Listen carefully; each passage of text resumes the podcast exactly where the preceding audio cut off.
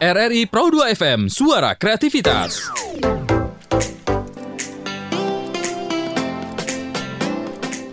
Assalamualaikum warahmatullahi wabarakatuh. Selamat pagi sahabat kreatif. Di mana pun berada apa kabar nih pada pagi hari ini ya? Bertemu lagi kita di kelas inspirasi ya pada hari ini Hari Jumat tanggal 26 Juni 2020 Dan sahabat kreatif pada pagi hari ini seperti biasa di kelas inspirasi Kita sudah kedatangan seorang narasumber ya Yang tentunya akan memberikan inspirasi buat sahabat kreatif di rumah Untuk menentukan masa depannya Nah, sobat kreatif ya, kita langsung aja nih sapa narasumber kita pada pagi hari ini yaitu ada Bang Teddy Wibisono ya. Ya. Selamat pagi, Bang. Selamat pagi. Iya, beliau adalah kepala seksi lalu lintas dan izin tinggal keimigrasian. Benar, Bang? Betul. Benar ya. bang Teddy ini saya panggil Bang aja ya, Bang ya? Ya. Ya biar lebih Boleh. akrab ya. Ya. Nah, Bang Teddy ini sendiri lahir di mana, Bang? Saya lahir di Bandung, Bandung. Bandung. 1 April 86. 86 masih cukup muda ya. nah, Bang Teddy ya kita pada pagi hari ini di kelas inspirasi akan bercerita ya Bang terkait dengan perjalanan Abang dari SD, SMP dan SMA sehingga Abang bisa bekerja di imigrasi Kabupaten Natuna ya. Boleh. Ah, ah. 99,2 Pro 2 RRI Ranai masih di kelas inspirasi buat yang di rumah ingin bergabung pada ke hari ini ya silahkan kami tunggu di nomor WA di 082284254102 atau bisa langsung ke Instagram kami di @pro2ranai. Nah, sahabat kreatif pada pagi hari ini tadi kita sudah menyapa narasumber kita di kelas inspirasi ya. Ada Bang Teddy dari Imigrasi Kabupaten Natuna. Kita langsung saja nih mendengarkan pengalaman beliau ataupun perjalanan karirnya sehingga bisa bekerja di imigrasi. Silahkan Bang Teddy. Saya pertama mungkin saya menjelaskan pada saat dari SD gitu. Dari SD saya kebetulan saya anak kolong. Ya, jadi ikut orang tua pindah tugas pindah-pindah. Pertama saya tugas di apa? Sekolah di Medan. Iya. selama sampai kelas 4 SD. Kemudian saya pindah ke Bandung sampai lulus SMA. Nah, di situ setelah lulus SMA baru saya mengikuti pendidikan Akademi Migrasi. Pendidikan Agama- Akademi Migrasi selama tiga tahun, dan di situ sekolah kedinasan dan gratis. Iya. Nah, bagi para sahabat muda ini mungkin bisa menjadi inspirasi untuk mengikuti sekolah Akademi Imigrasi tersebut karena sudah ditanggung pemerintah dan dikasih uang saku juga. Mm-mm. Gitu. Eh, pernah nggak dari SD dulu ataupun SMP dan SMA kepikiran eh, menjadi bagian dari imigrasi gitu bang? Sama sekali tidak.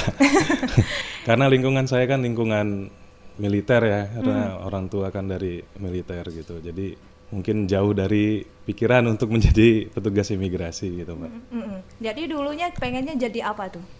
Karena kebetulan orang tua kan angkatan udara ya, jadi kepikirannya menjadi pilot. iya. Sehingga berjalannya pengen kesampaian lah menjadi anggota imigrasi itu gimana ceritanya? Kan dulunya pengen jadi anggota TNI lah ya. Iya. Itu gimana kok bisa sampai ke situ ya? Ya kebetulan waktu itu ada brosur karena sempat latihan Akademi Imigrasi dulu ada ekstrakurikulernya terjun payung. Kebetulan itu dilakukan di Lanut Sulaiman di Bandung. Nah, kemudian saya melihat ada brosur ya saya coba Mbak. karena saya ingin berbeda dari yang lain kan. Biasanya kan kalau cita-cita itu berdasar lingkungan sekitar kita melihat contohnya oh ini bisa nih jadi panutan tapi saya mencoba yang lain dan ternyata alhamdulillah lulus Lulus. Itu gimana tuh bang tahapan seleksinya? Apakah sulit atau enggak gitu? waktu saya itu tahun 2004 pendaftaran kurang lebih ada kurang lebih 2000 apa 3000 peserta gitu dari seluruh Indonesia. Yang diterima hanya 65 orang. Iya. satu angkatan dan itu D3 kan. Nah kebetulan tesnya juga di Cinere mbak. Di Jakarta ya mau nggak mau saya harus datang langsung sana. Dan kebetulan waktu itu tesnya selama satu bulan full. Dan belum ada sistem gugur. Iya. jadi begitu tes satu lolos lanjut lagi baru terakhir setelah pantohir baru ada pengumuman kelulusan. Dan itu pun diumumkan di koran. Dulu saya masih ingat korannya Republika. Iya. Berarti tahapannya juga cukup panjang ya bang ya. cukup panjang. Selama seleksi gitu bang, apa sih yang menjadi penilaian dari supaya dari timnya ya supaya kita tuh bisa menjadi bagian dari imigrasi gitu bang? Eh, kalau pengalaman saya kemarin ya tesnya tersebut terbagi menjadi beberapa bagian yang di situ ada tes tertulis, kesemaptaan, kesehatan dan wawancara. Psikotes ya termasuk tes tulis tersebut ya. Mm-mm. Berarti yang banyak gugur itu di tes apa tuh bang? Kalau ber- berdasarkan Karena waktu angkatan saya itu kumulatif ya mbak ya, jadi kita nggak bisa melihat sistemnya begitu tes pertama gagal apa tidaknya kita tidak bisa melihat.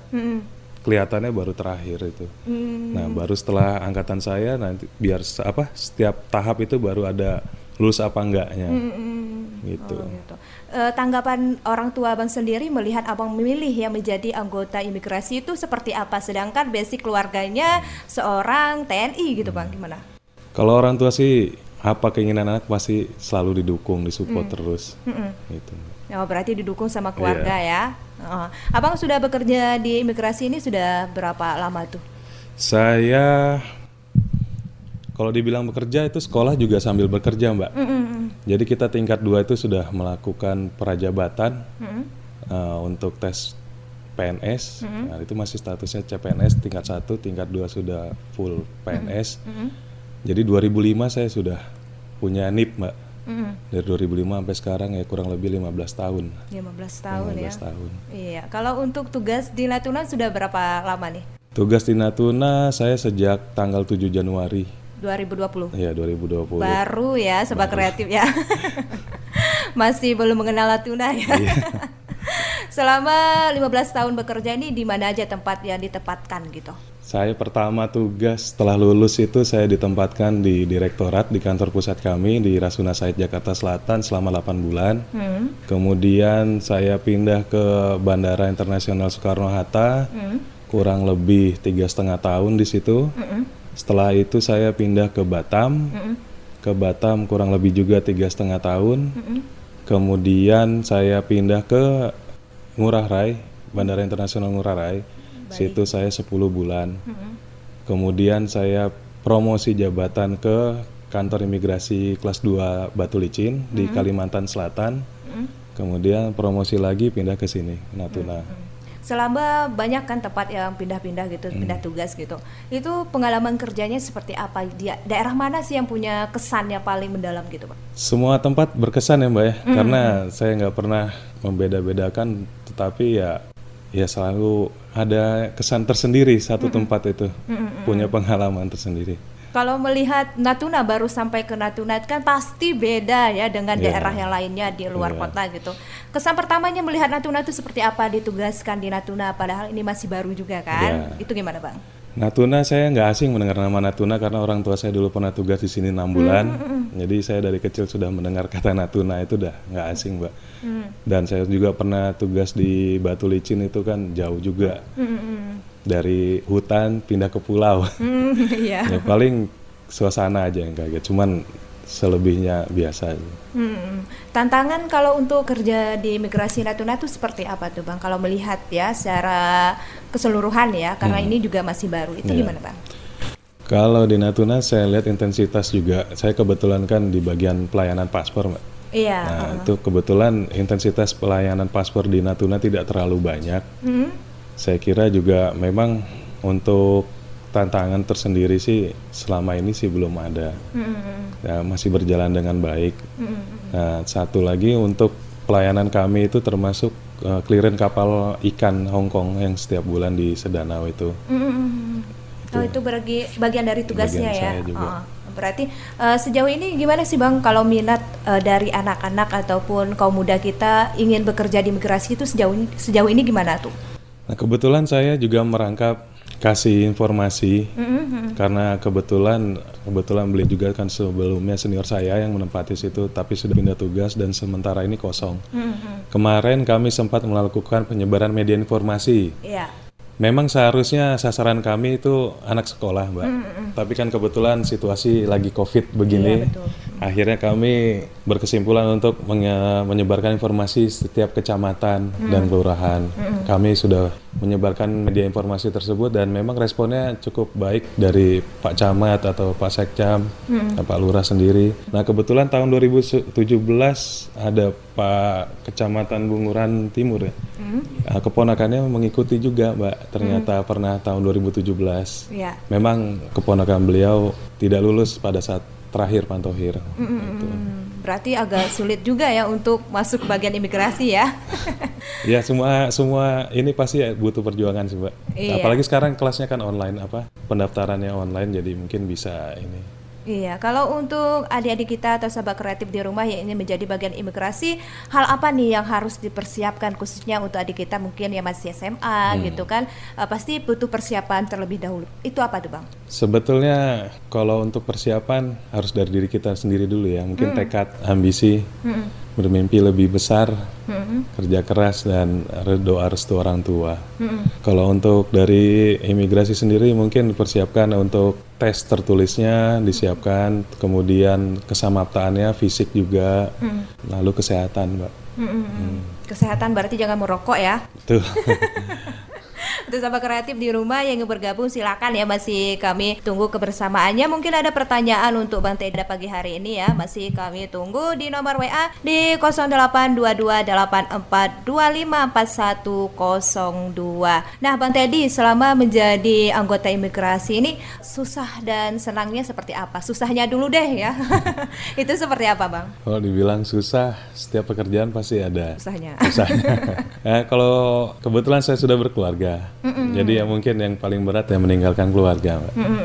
Itu sih. Ya, kalau yang senangnya Senangnya ya saya bisa melihat dunia luar yang belum pernah saya singgahi lah. Karena beberapa tempat seperti Batu Licin, Natuna saya memang kan belum pernah. Eh, jadi saya tahu oh Natuna seperti ini, Batu Licin seperti ini gitu. Oh gitu berarti eh, imigrasi ini harus siap ditempatkan di mana saja ya bang? Betul sekali. Nanti kita ada tanda tangan, istilahnya tanda tangan kontrak eh, siap ditempatkan di mana saja. Hmm, berarti untuk sahabat kreatif yang ingin menjadi anggota imigrasi harus siap ditempatkan di mana saja dan jangan mengeluh ya bang Jangan ya. mengeluh. Walaupun jauh dari keluarga Iya. ya, eh, anggap aja pengalaman hidup ya. bang selama eh, menjadi anggota imigrasi pernah selama pendidikannya ya bang ya, Hmm. pernah nggak abang merasa di titik terbawah gitu bang? Kebetulan saya mungkin ya tadi kembali lagi saya hidup di lingkungan militer, saya nggak kaget dengan kehidupan asrama. Tapi ya namanya manusia pasti ada ya, ketemu titik capek atau bagaimana. Cuman saya mengingat kembali perjuangan saya, Ya. jadi menjadi semangat lagi gitu. Nah, di mana kita capek ya kita mengingat kembali perjuangan kita sebelumnya sampai ke titik itu, ya jangan kita sia-siakan. Hmm, berarti mengingat perjuangannya yang juga cukup Betul. panjang ya bang ya. Itu sama asrama abang berapa lama tuh? Saya tiga tahun, Tiga tahun Tiga di tahun. asrama. Itu pendidikan ya bang ya. iya. Kalau untuk adik kita yang ingin mendapatkan beasiswa gratis gitu bang untuk pendidikan di imigrasi itu seperti apa? Ya itu tadi sekarang men- bisa mendaftar di kemenkumham.go.id. Di situ ada dua pilihan Poltekim. Sekarang namanya Poltekim jadi D4. Eh, itu ada Poltekim dan Poltekip, Mbak. Nah, pendidikannya 4 tahun. Gitu. Berarti kalau untuk sahabat kreatif di rumah yang ingin bertanya lebih langsung berarti bisa langsung ke imigrasi. Betul. Iya. Datang aja ke kantor. Ah, nanti Bang Teddy akan menjelaskan secara langsung ya. Iya.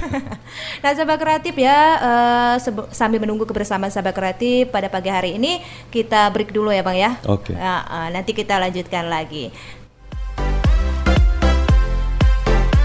99,2 Pro 2 RRI Radai masih di kelas inspirasi pada hari ini hari Jumat 26 Juni 2020 ya masih bersama dengan Bang Teddy ya pada pagi hari ini yang sudah menceritakan pengalamannya. Mungkin ada sahabat kreatif yang di rumah berminat ya untuk menjadi bagian dari anggota imigrasi ya. Bisa mendengarkan atau bisa bergabung bersama kami di nomor WA di 0822 8425 4102 nah Bang Teddy kita ngobrol lagi ya terkait dengan pengalamannya ya. Nih Bang Teddy kalau misalnya untuk mendaftar menjadi anggota imigrasi itu ada batasan umur nggak gitu? Kalau untuk di imigrasi untuk Poltekim sendiri batasan umurnya sampai 22 tahun. Mm-mm. Tapi kalau yang dari umum Berapa tuh? 22. 35 kalau nggak salah yang udah lulusan S1 tuh. Oh, S1. Berarti eh, kalau yang cewek juga seperti itu? Sama. Sama. Tes yang cewek itu seperti apa, Bang? Kalau untuk menjadi bagian dari imigrasi itu, apakah beda dari penerimaan yang cowoknya? Nah kebetulan kalau yang saya bahas yang Poltekim dulu ya. Yang Poltekim itu ya tesnya sama dengan seperti laki-laki lainnya. Tes tulis juga, tes samatan juga, itu ada fisik lari, push up, pull up, sateran. Ya. Nah, dan untuk kesehatannya ya tesnya sama juga sama pria. Mm-mm.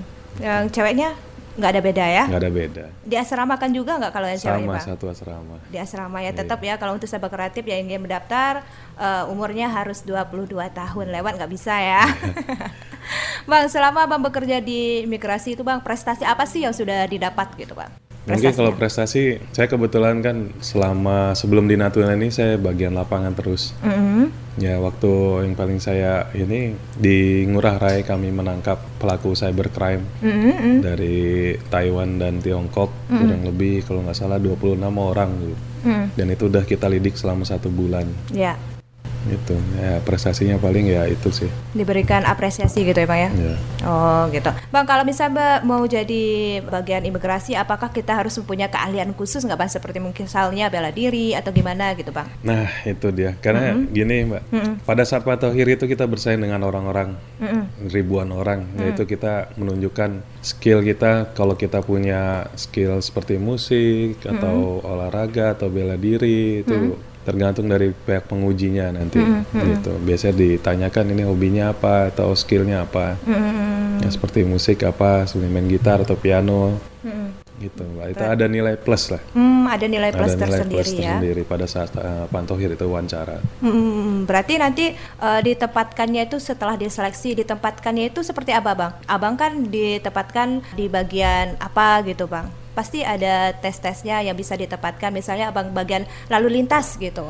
Ah, jadi gini Mbak, untuk pada waktu itu kami kan tidak ada penjurusan, jadi semua sama. Begitu lulus juga kami juga ditempatkan juga rolling ya. Ada waktu itu saya pertama di TPI, maksudnya tempat pemeriksaan imigrasi. Untuk setiap orang lalu lintas keluar masuk orang ke luar negeri itu, itu pernah saya lakukan. Terus kemudian saya pernah di bagian intelijen juga saya pernah. Nah selama saya tugas di bagian lapangan, baru kali ini saya di bagian pelayanan paspor di Natuna. Hmm, tentu pengalamannya akan beda ya bang ya. Berbeda sekali. Iya, kalau selama di bagian paspor itu bang, eh, gimana tuh pengalamannya? Apakah menemukan atau karakter orang berbeda-beda gitu bang setiapnya? Gitu? Ya betul, karena gini mbak, kalau di pelayanan paspor mungkin itu agak riskan ya dalam artian pada saat wawancara kita harus teliti, ini tujuannya untuk apa, peruntukannya untuk apa paspor itu, gitu kita harus dalami juga. Jadi nggak sembarangan kita ini, karena paspor itu kan dokumen negara. Walaupun kita bayar, tapi tetap itu milik negara, gitu, bukan milik pribadi. Mm-mm. Kalau saya penasaran bagian lalu lintas imigrasi itu tupoksinya seperti apa sih bang? Soal mungkin sahabat kreatif belum paham ya Iya. eh, seperti apa sih tupoksi dari lalu lintas imigrasi baru tahu mungkin Hmm. ada bagian itunya bisa dijelaskan bang? Ya tupoksi, tupoksi itu tugas pokok dan fungsinya itu pelayanan paspor ya, menerbitkan paspor, dokumen perjalanan. Kemudian kami ada tempat pemeriksaan imigrasi, kami juga mengkliren kapal yang masuk dan keluar ke wilayah luar negeri gitu.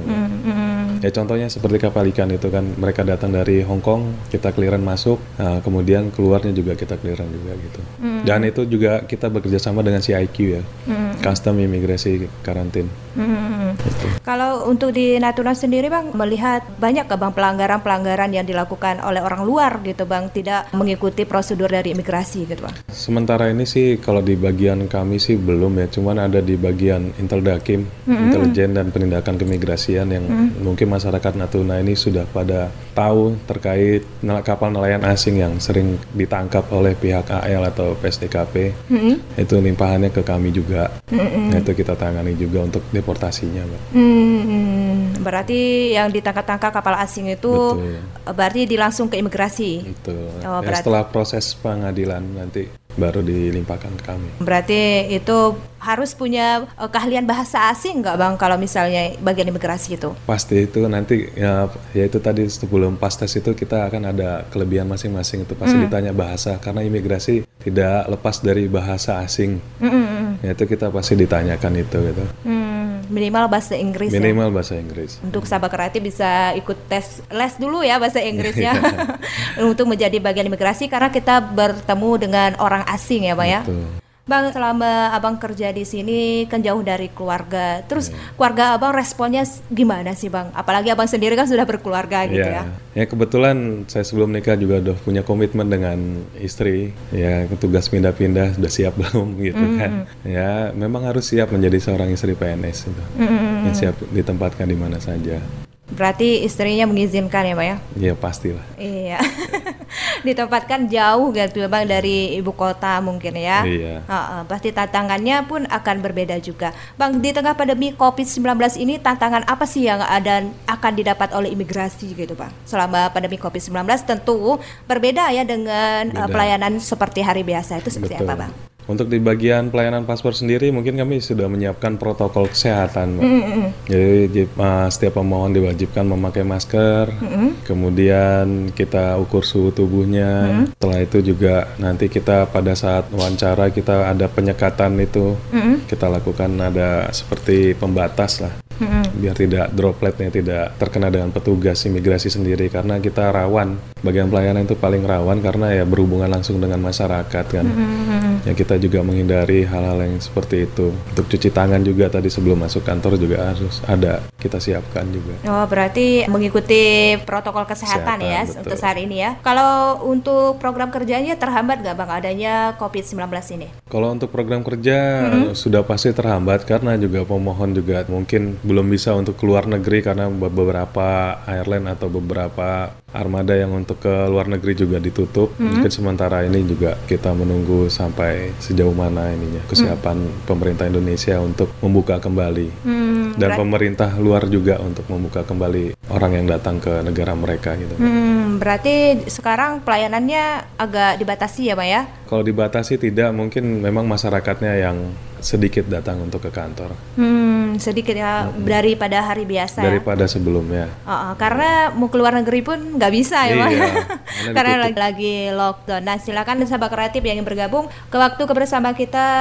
tinggal sedikit lagi ya ingin bergabung masih ada waktu masih kami tunggu di nomor WA di 0822 8425 4102 atau bisa langsung ke Instagram kami di @pro2ranai ya. Pada pagi hari ini kita ada narasumber dari bagian imigrasi. Mungkin sahabat kreatif belum pernah ya ingin tahu ya sejauh mana sih imigrasi itu bertugasnya seperti apa. Mungkin ada sahabat kreatif yang penasaran dengan tupoksinya silahkan ya bergabung bersama kami pada pagi hari ini di kelas inspirasi bersama dengan Bang Teddy ya.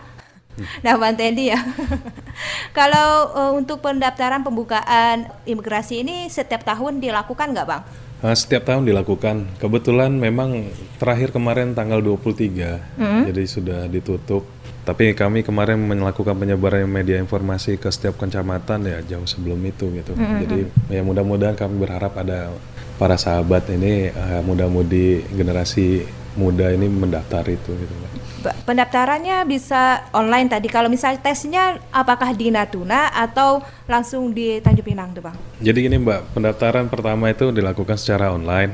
Setelah lulus tes apa administrasinya, kelengkapannya nanti sudah diumumkan, kelulusannya nanti langsung daftar di Jakarta Mbak, langsung ke Pusdiklat di Cinere. Hmm, Berarti perjalanannya cukup panjang ya minimal berapa bulan tadi, Bang? Satu bulan lah kurang Satu lebih. bulan penuh ya, Pak ya. Iya. Heeh, untuk sahabat kreatif harus jaga kesehatan ya kalau Iya. ingin menjadi bagian dari imigrasi sendiri. Nah, Bang, setelah Abang menjadi bagian imigrasi ya, bagaimana sih respon dari teman-teman dekat? Ya kalau dari teman-teman dekat responnya mungkin kaget gitu ya. Maksudnya ini apa sih? Oh masuk mana sih imigrasi? Apa sih itu imigrasi? Iya, betul. Nah, saya sendiri pun dulu begitu masuk saya nggak tahu itu imigrasi itu apa sih. Hmm. Mereka banyak bertanya juga gitu mas, sama saya. Terus kemudian juga banyak yang di bawah saya junior-junior itu yang di komplek itu banyak yang ikut mendaftar. Tapi memang kesempatannya belum ada. Jadi pada saat tes pantohir banyak kan pantohir udah gagal, pantohir gagal gitu. Ya gitu sih. Iya. Kalau misalnya ada yang gagal tes pertama kali gitu, Bang, apakah boleh mendaftarkan Boleh lagi gitu sampai ya? batas umur 22 tahun. Oh, Karena angkatan saya pun ada yang sampai tiga kali mendaftar baru lulus. Oh iya, berarti kelemahannya di bagian apa tuh bang sampai tiga kali nggak lulus gitu bang? Ya, Biar kita- sahabat kreatif mengantisipasi dulu misalnya.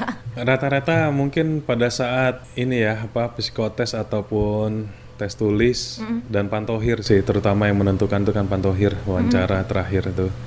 Nah kita bagaimana cara menjawabnya, bagaimana kita bersikap pada saat dengan ditanya penguji itu seperti itu mungkin kita ada penilaian tersendiri gitu. Oh berarti ada penilaian tersendiri ya kalau untuk nanti sahabat kreatif yang ingin bergabung harus mempersiapkan psikotes karena rata-rata yang pengen tahu ya bang ya kalau yang gagal tes itu pasti di psikotes kalau enggak di kesehatan kalau anak-anak tuna gitu bang. Oh. Tapi nggak tahu ya kalau di luar seperti apa ya. Iya. Abang kalau misalnya ada saran nggak misalnya untuk anak-anak tuna bisa masuk ke imigrasi itu seperti apa? Ya sarannya mungkin kalau untuk mendaftar ya itu tadi pertama ya siapkan fisik dan mental ya kemudian doa dari orang tua itu sih yang penting Apakah nilai rapotnya juga mempengaruhi nggak bang besar Betul. sama sekolah? betul jadi ada ada batas minimal tera- rapat terakhir itu waktu zaman saya 7,5 kalau nggak salah rata-rata itu Hmm, berarti nilai rapot mempengaruhi. ya? mempengaruhi betul Kalau untuk sekarang bang nilai akhirnya kalau zaman abang kan 7,5 kalau sekarang kalau sekarang nanti gini mbak bisa dibuka di catar kemenkumham.go.id nanti itu bisa dilihat di situ kalau nggak salah sama aja kurang lebih juga 7,5 sekarang persyaratannya hmm, berarti misalnya kurang satu angka gitu nggak bisa ya bang? Ya nanti pada saat administrasi di- pasti ditolak. Iya ditolak ya bang. Iya, Saya kira kurang satu angka masih nggak apa-apa deh gitu. Oh nggak bisa ya bisa. kreatif harus nilainya memadai ya. Iya. Karena kan itu sistemnya online nanti disortir oleh pengujinya juga kan. Mm-mm. Kalau misalnya yang nilai rapotnya dapat juara terus bang, apakah ada spesial gitu bang plus gitu bang? Kalau itu kan tahap awal ya mbak ya. Jadi itu tes Administrasi. administrasi. Kalau untuk administrasi lulus, tapi kan nanti belum tentu pada saat tes tulis. Apakah menjamin tetap sama seperti di sekolah apa tidak kan kita nggak tahu. Nah, makanya itu penting mengikuti apa siapkan fisik dan mental juga dan untuk tes tulisnya juga gitu. Hmm, berarti untuk sahabat kreatif yang nggak dapat juara masih ada peluang ya bang. Iya. Minimal angkanya tadi 7,5 ya. Tercukupi ya Ah, betul. ah. Jadi karena nggak semua sahabat kreatif kita ah, mendapatkan juara kan. Iya. Jadi sahabat kreatif masih bisa nih. Masih bisa ah. untuk Tahun ini juga ada pembukaan ya bang. Ada, kebetulan memang tanggal 23 kemarin sih memang Mm-mm. tutup sudah. Ditutup. Nah, iya, mungkin tahun depan bisa. Iya, pasti seleksinya berbeda ya bang karena di tengah pandemi COVID-19 ya. Iya, pasti ada protokol kesehatan yang harus dipatuhi. gitu. Tetap di asrama selama satu bulan lebih ya. Ya, kalau untuk tesnya sendiri kita tidak disediakan tempat, Mbak. Jadi kita harus karena saya waktu itu juga kos. Oh gitu. Iya, untuk tesnya itu. Ya harus berkorban sih kita. Mm-mm. Mau materi dan ya ngalah-ngalah apa yang lain-lainnya juga gitu kan. Iya. Selama abang ngekos gitu ngeluarin per- biaya sendiri itu abang dapat biayanya dari mana? Apakah dari orang tua atau abang kerja sampingan dulu nih gitu? Oh enggak, karena saya dari orang tua. Ah, ah. gitu karena saya kan baru lulus SMA juga kan. Mm, mm, mm, mm. gitu. tapi saya berangkat sendiri ke Jakarta itu untuk mendaftar gitu. Berarti pengalaman di ibu kota juga sendiri ya Iya. terhadap anak-anak muda yang ingin masuk ke imigrasi gitu bang. Apakah ada saran untuk pemerintah Kabupaten Natuna kita? Apakah mereka bisa membantu atau fasilitasi gitu pak? Silakan. ya mungkin untuk terkait ini pada umumnya aja ya mungkin Hmm. untuk sekolah kedinasan alangkah baiknya mungkin kita bisa mensosialisasikan kepada anak-anak muda ini untuk uh, memotivasi agar mengikuti sekolah kedinasan atau PTN yang berbeasiswa Hmm. karena untuk meringankan beban orang tua juga karena ya memang di yang saya rasakan selama saya sekolah di situ saya tidak pernah meminta orang tua lagi Hmm. itu sampai sekarang. Kalau untuk mendapatkan beasiswa itu bang selama kuliah itu apakah kita harus punya target nilai sendiri ya gitu bang? Enggak, karena kalau di waktu itu AIM itu kita masuk itu sudah CPNS, sudah statusnya ibaratnya pegawai yang disekolahkan. Gitu. Da- kita dapat uang saku juga, Berarti ya ada- gaji lah, bukan uang saku ya, ya gaji, gaji 80%. Oh, berarti masuk situ otomatis kita udah CPNS dan dapat gaji gitu Iya. kan? Seperti sekolah yang satu itu ya? Iya. nggak boleh kita sebutin ya. Nah, eh, untuk sahabat kreatif yang masih bergabung masih kami tunggu kebersamaannya. Waktu kebersama kita masih sekitar 10 menit 10 ya, menit ya. Ah, karena acara kita pada pagi hari ini berakhir pada pukul 11 waktu Indonesia Barat. Nah, Bang, kalau saat ini kan kita, Abang kerja di bagian imigrasi Natuna gitu. Apakah untuk saran dari pemerintah seperti apa, Bang, terkait dengan imigrasi? Apakah imigrasi ini harus diperketat ataupun imigrasi harus diperhatikan gitu Pak oleh pemerintah Kabupaten Natuna? Silakan. Ya terkait COVID ini ya kita disarankan agar pertama mengikuti protokol kesehatan, kemudian untuk para WNA atau ekspatriat yang ada di Indonesia ini agar untuk dibantu terkait perpanjangan izin tinggalnya. Karena kemarin kita sempat dua bulan kita vakum untuk pelayanan dan memang itu kebijakan dari pemerintah untuk menggratiskan apabila ada yang overstay, ada yang melebihi izin tinggal dan itu tidak dikenai biaya beban gitu. Dan untuk yang WNI sendiri untuk paspor yang sudah mati atau bagaimana kita tidak akan kenakan juga denda, tidak akan kena denda gitu. Yang paspor yang sudah masa berlakunya sudah habis. Hmm, berarti tetap bisa diperpanjang Bisa. ya, Bang? Oh, untuk saat ini. Bang, kalau misalnya saya lihat ada di Natuna gitu, Bang ya, Hmm. terkait yang ditangkap gitu, Bang. Apakah mereka di sini tuh dirumahkan atau gimana, Bang? Kapan tuh mereka akan dipulangkan negara asalnya gitu? Iya, kebetulan kami ada ada WNA warga negara Vietnam juga. Iya. Kemarin ada limpahan juga dari Angkatan Laut bulan Desember gitu. ya kurang lebih ya bulan Desember. Nah itu prosesnya kan setelah ada yang sudah disidang dari kejaksaan juga dan dilimpahkan ke kami juga eh, tekongnya, yaitu nanti kita akan deportasi dan berkoordinasi dengan kedutaan Vietnamnya sendiri bagaimana proses pemulangannya seperti apa. Dan itu kita pasti berkoordinasi dengan kedutaan. Hmm, Dan untuk di sini sendiri kita ada ruangan khusus DTNI, hmm? ya seperti penampungan lah.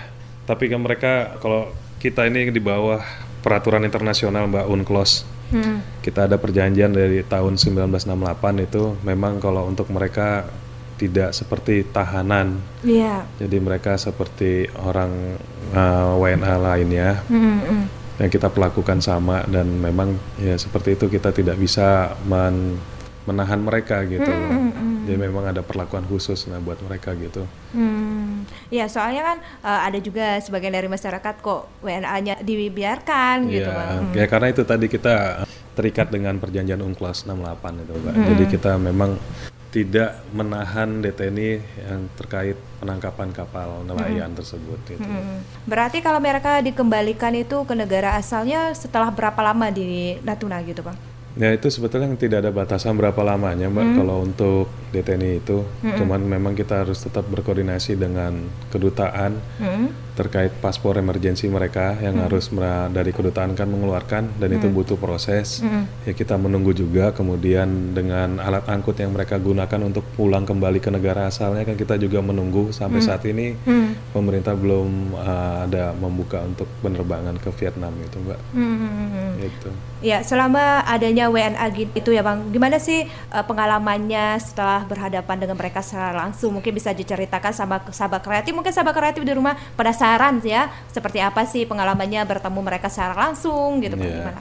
Ya mungkin kalau untuk yang unik ya paling bahasa mbak ya karena saya juga jadi mulai terbiasa sedikit untuk bahasa Vietnam. Kita belajar bahasa dari mereka. Dan padahal sebenarnya mereka juga nelayan-nelayan kecil juga yang di bawah taraf ya mungkin di bawah standar hidup inilah kemiskinan lah. Jadi mereka juga manusia biasa. Jadi memang yang harus kita perhatikan juga gitu. Seperti ya kita umumnya gitu sih. Berarti mereka banyak curhat ya sama Abang Teddy sendiri ya.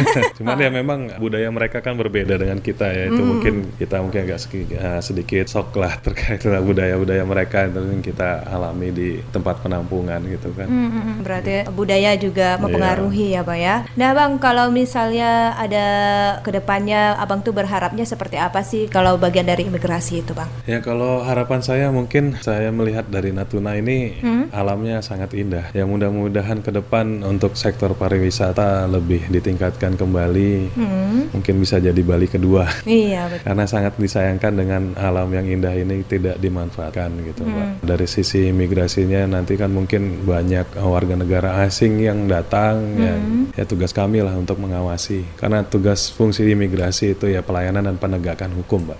Bukan cuma pelayanan aja gitu. Ya, bisa Bang jelaskan nggak Bang bagian dari eh, imigrasi itu seperti apa aja? Mungkin nggak harus, kalau orang kira tuh imigrasi itu paspor doang gitu Bang Iya. kadang-kadang. Bisa Bang jelaskan nggak bagian-bagiannya? Ya sebetulnya eh, di imigrasi ada tiga bagian, Mbak. Di situ ada saya sendiri Lalintuskim, kemudian ada Inteldakim dan ada Infokim. Lalintuskim yaitu paspor, Iya. kemudian Inteldakim itu ada pengawasan. Nah di situ pengawasan juga terbagi lagi, ada pengawasan terbuka dan pengawasan tertutup. Ya kami juga punya intelijen juga di situ. Kemudian di Infokim itu ada seperti humas, Mbak. di Sabah Kreatif ya closing statementnya gitu terkait dengan tugas Sabah sebagai imigrasi ataupun harapan abang ke depan ataupun ada masukan-masukan lain silahkan Pak. Yang paling untuk generasi muda aja saya mungkin memberikan saran kata-kata motivasi ya mungkin ah, berambisilah, berambisilah, bermimpi besarlah, kerja keras dan jangan lupa doa restu orang tua. Itu aja. Kalau untuk masukan untuk imigrasi sendiri seperti apa Pak? Tadi kan untuk pemerintah sekarang untuk bagian imigrasinya seperti apa? Untuk imigrasi aja saya pikir apa ya mungkin selalu jaya terus di darat, laut dan udara karena memang imigrasi semua matra ya mungkin kalau di TNI ada darat, ada udara, ada juga gitu mbak. Ya karena ada bandara internasional, ada pelabuhan internasional, ada, ada kantor imigrasi jadi tiga tempat itu ya mudah-mudahan ya jaya selalu imigrasi. Iya, dan ditingkatkan lagi ya Bang Iya. pelayanannya ya. Betul. Harus ditingkatkan ya supaya nanti kinerjanya pun menjadi lebih bagus ya. Amin. Iya, bagian dari imigrasi Kabupaten Natuna kelas berapa bang kalau Kelas imigrasi? dua. Kelas 2 Kelas dua. imigrasi Kabupaten Natuna ya. Kalau untuk kenaikan kelas itu gimana sih bang prosesnya? Jadi penasaran saya. Jadi klasifikasi kelas itu te- jadi dilihat dari intensitas pelayanan paspornya, Mbak. Kalau intensitas pelayanan paspornya masih kurang itu masih bisa kelas 2 atau kelas 3 gitu. Nah, kalau kelas 1 itu udah intensitas pelayanan paspornya sudah ya minimal satu hari 300 orang gitu. Gitu, Mbak. Seperti di Batam. Di Batam itu kelas 1 khusus kenapa? Karena membawahi beberapa tempat pemeriksaan imigrasi.